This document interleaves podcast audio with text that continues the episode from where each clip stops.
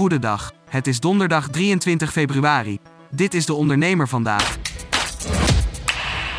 De omzet van elektronica webwinkel Coolblue was vorig jaar nagenoeg gelijk aan de recordomzet over 2021. De omzet steeg met 10 miljoen tot 2,35 miljard euro. De inkomsten kwamen in 2022 voor een deel uit de groei van Coolblue in Duitsland. Maar ook uit de grote vraag naar energiebesparende producten, doordat de energieprijzen het afgelopen jaar flink zijn gestegen. Hoge kosten drukten echter op de resultaten van het bedrijf. Microsoft-oprichter Bill Gates heeft een minderheidsbelang genomen in brouwer Heineken. De bekende miljardair heeft volgens berekeningen van persbureau Bloomberg voor bijna 850 miljoen euro aandelen ingekocht bij Heineken Holding. Dat is de houdstermaatschappij van het Nederlandse bierconcern. Daarmee is zijn deelneming goed voor 3,8% van de stukken.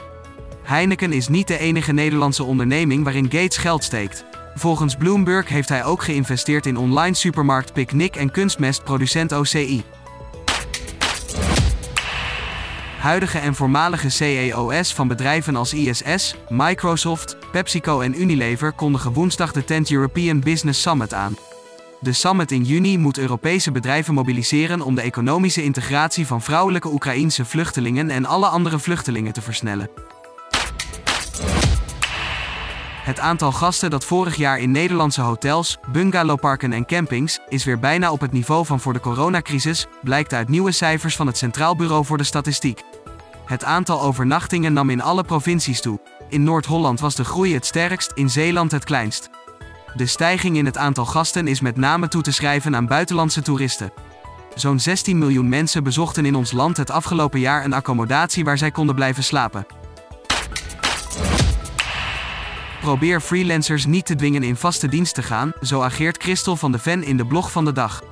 De voorzitter van Vereniging Zelfstandige Nederland vindt dat juist het systeem moet worden aangepast. De huidige discussie over freelancers vertraagt daarin alleen. Tot zover de ondernemer vandaag. Wil je meer? Ga naar deondernemer.nl.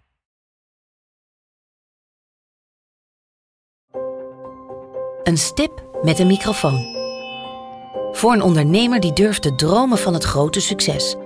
Een ondernemer die in de spotlight stapt om de vakjury te overtuigen van het gouden businessconcept.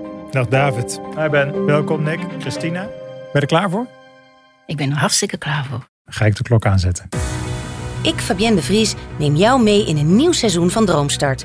Een unieke podcastserie van de ondernemer waarin we ambitieuze Nederlanders volgen bij het realiseren van hun ondernemersdroom. Ik weet zeker dat er, dat er ruimte is om dit veel groter neer te zetten. Mijn grootste ambitie op dit moment is om dit zo ver mogelijk te schalen. Ja, we kunnen ons meten met de, met de, met de A-brands, uh, zeker als het gaat om, uh, om kwaliteit. En mensen die willen ervoor betalen als het werk gewoon goed wordt geleverd.